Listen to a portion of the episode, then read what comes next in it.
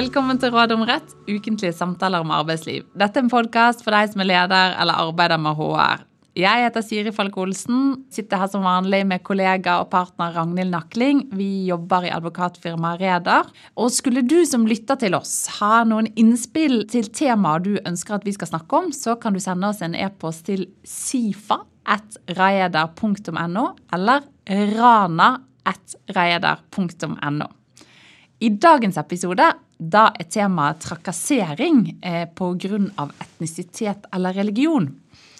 Og Ragnhild, du er ikke helt uvanlig en HR-sjef i en stor virksomhet som selger baderomsinnredning. Og En dag så kommer en av de ansatte inn på kontoret ditt. Denne personen jobber som selger og kundebehandler. Han flyktet opprinnelig fra borgerkrig i Syria og identifiserer seg som muslim. Og Selgeren han er åpen om sin religion etniske bakgrunn på arbeidsplassen, og de fleste av hans kollegaer er klar over dette. Han ønsket å snakke med deg om en krevende opplevelse han hadde med en av de andre ansatte på selgerteamet han er en del av. Og I forbindelse med at salgsteamet hadde hatt sitt ukentlige mandagsmøte, hadde han fortalt om en utfordrende situasjon med en kvinnelig kunde. Kunden hadde vært særdeles misfornøyd med den hjelpen hun hadde fått, og selgeren på sin side hadde endt med å la seg hisse opp av kunden. Etter at han hadde fortalt teamet om situasjonen, hadde en av kollegaene hans uttalt det er vel kanskje ikke helt overraskende at du slet med å kommunisere med kunden. Jeg mener, tatt i betraktning din bakgrunn, skal vel kvinner helst ikke synes og i hvert fall ikke si noe, eller hva? Eh, og dette ble sagt samtidig som han blunket til eh, selgeren. Når selgeren forklarer om situasjonen til deg som HR-sjef, beskriver han at det antagelig var ment som en dårlig spøk, men at han opplevde dette sterkt stigmatiserende og flaut, spesielt med tanke på at dette ble sagt foran hele teamet. Han forklarer også at han selv ikke ønsker å kategorisere det som trakassering, men han ønsker likevel å ta det opp med deg som HR-sjef. Så Spørsmålet, Ragnhild, hva gjør du som HR-sjef i dette tilfellet? Må du gjøre noe? Hva, hva, hva handler dette om? Og det handler om veldig mye, og det er bare noe av det vi skal snakke om i dag. Fordi noe av det som HR-lederen i hvert fall må vurdere, da, det er om, om dette er et varsel om kritikkverdige forhold. Eh, det snakker vi ikke mer om i denne episoden. Vi har en tidligere episode om varsling.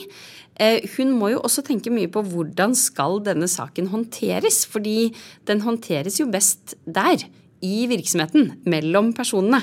Eh, det er lite å vinne på å gjøre dette til noe på en måte veld, ja, hva skal vi si, veldig mye større enn det det er fra starten av. Ja, og der kan vi jo minne om at dette er om det er et varsel eller ikke, eh, det er jo eh, kanskje ikke så viktig å avgjøre. fordi at uansett så er jo det på en måte et problem som må håndteres. Det er akkurat det. Og um, ja. Og, og, det å få på en måte det å håndtere problemet, da, er jo det hun skal starte med nå. Ja. Og man kan vel også si, nå har jo du sagt litt om det, Ragnhild, men at denne type saker gjennomgående har større sannsynlighet for å bli løst på, på en god og minnelig måte eh, hvis man har tidlig og målrettet innsats fra arbeidsgiver, hvis man tar problemer på alvor.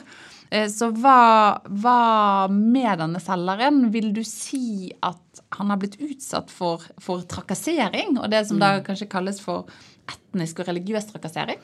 Ja, det, det, er en god del ting man må gjennom for å kunne avgjøre det. Til å begynne med så er det riktig å gå til den loven som er utgangspunktet for å kunne svare på spørsmålet. Det er likestillings- og diskrimineringsloven, og vi er i paragraf 13. Vi er i første ledd eller første avsnitt. Der er det et forbud mot trakassering pga. ett av de lovfestede trakasseringsgrunnlagene. Det er mye som regnes opp i den bestemmelsen, men etnisitet og religion, det er to av disse. Og så, og i andre ledd, eller andre avsnitt, så er jo begrepet trakassering definert. Og det er definert som handlinger, unnlatelser eller ytringer som har som formål eller virkning å være krenkende, skremmende, fiendtlige, nedverdigende eller ydmykende. Jeg skjønner. Så HR-sjefen vil altså ikke finne eh, svaret på, på, dette spørsmålet i arbeidsmiljøloven, eh, fordi at der har man det generelle forbudet mot trakassering, men at dette spesielle forbudet mot eh, trakassering pga. etnisitet og religion, det fins altså i likestillings- og diskrimineringsloven. Mm. Og at det er dette som må vurderes. Er det riktig? Det stemmer. Ja. Og hvis du skal forsøke å bryte opp eh, bestemmelsen da, i likestillings- og diskrimineringsloven til de vilkårene som er sentrale ved vurderingen, hvordan vil du da gå fram? Ja, Da må man jo først se på da, foreligger det atferd som er rettet mot én eller flere spesifikke personer. Og her vet vi jo at det er atferd. Altså det, er det er en opptreden som har funnet sted, og det er jo rettet mot en selger. Men så må jo atferden ha vært krenkende, skremmende, fiendtlig, nedverdigende eller ydmykende. Um, eller hatt det som virkning eller som formål. Og det må være rettet mot selgerens etnisitet han, eller religion. Han var fra Midtøsten, fra Syria, han var muslim. Uh, og det er jo verdt å nevne at forbudet det omfatter jo både atferdens virkning og formål. altså både tilsiktet og utilsiktet trakassering rammes av denne bestemmelsen. Så selv om eh, på en måte denne sjefen eh, som kom med kommentaren bare mente dette som en veldig dårlig spøk, altså ikke som formål å krenke, så kan det fortsatt være trakassering etter loven. Så skal det jo sies at det er ikke nødvendigvis gitt at det er det, men det kan være det. Og Når du sier det at atferden må ha en slik negativ virkning mot personens etnisitet eller religion, hva ligger egentlig i det?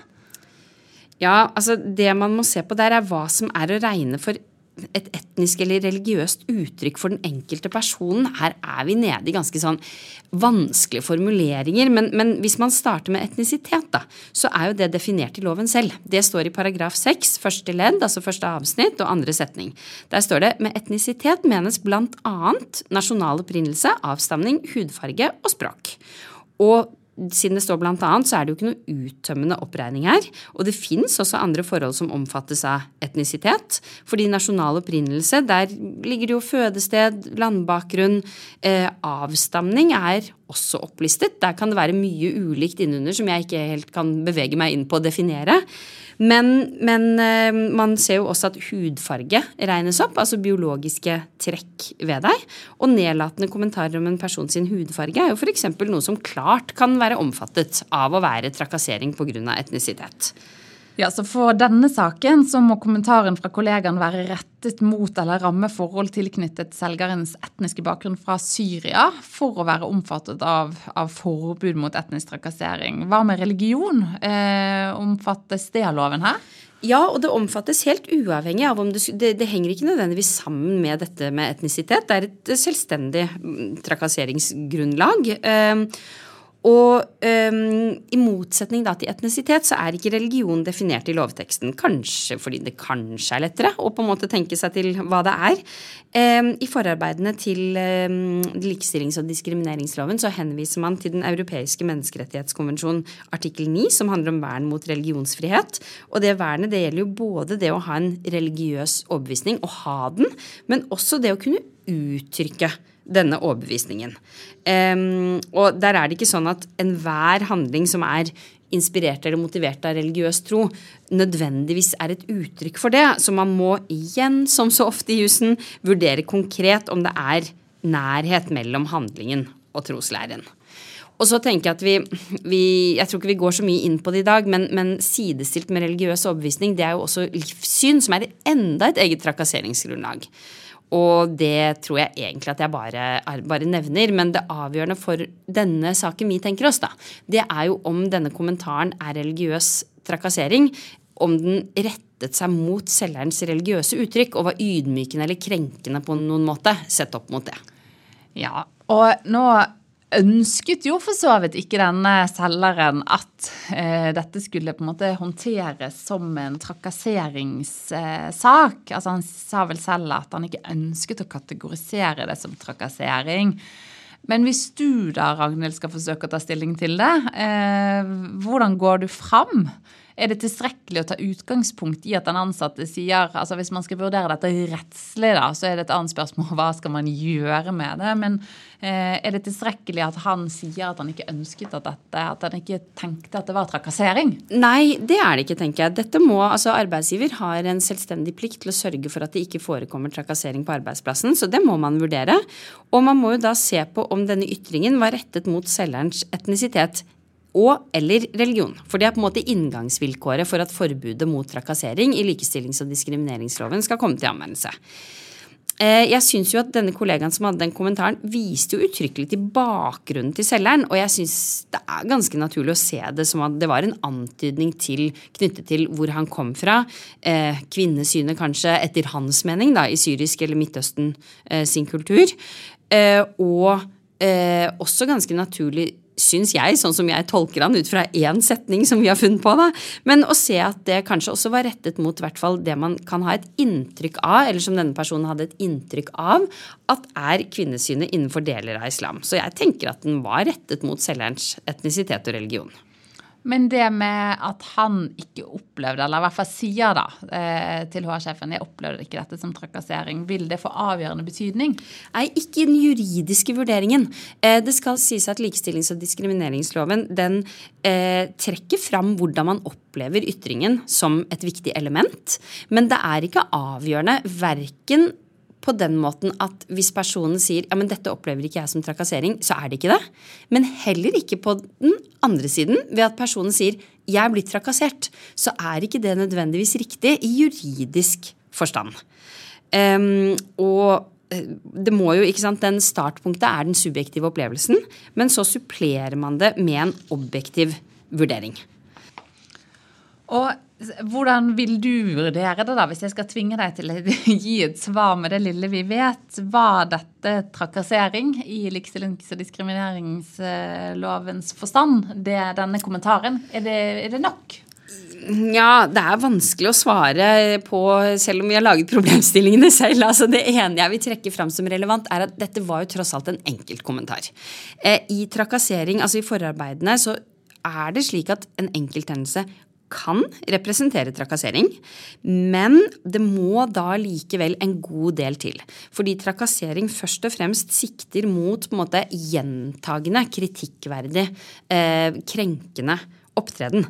Um, så det er det ene som jeg tenker at tross alt er litt et, et, motargument.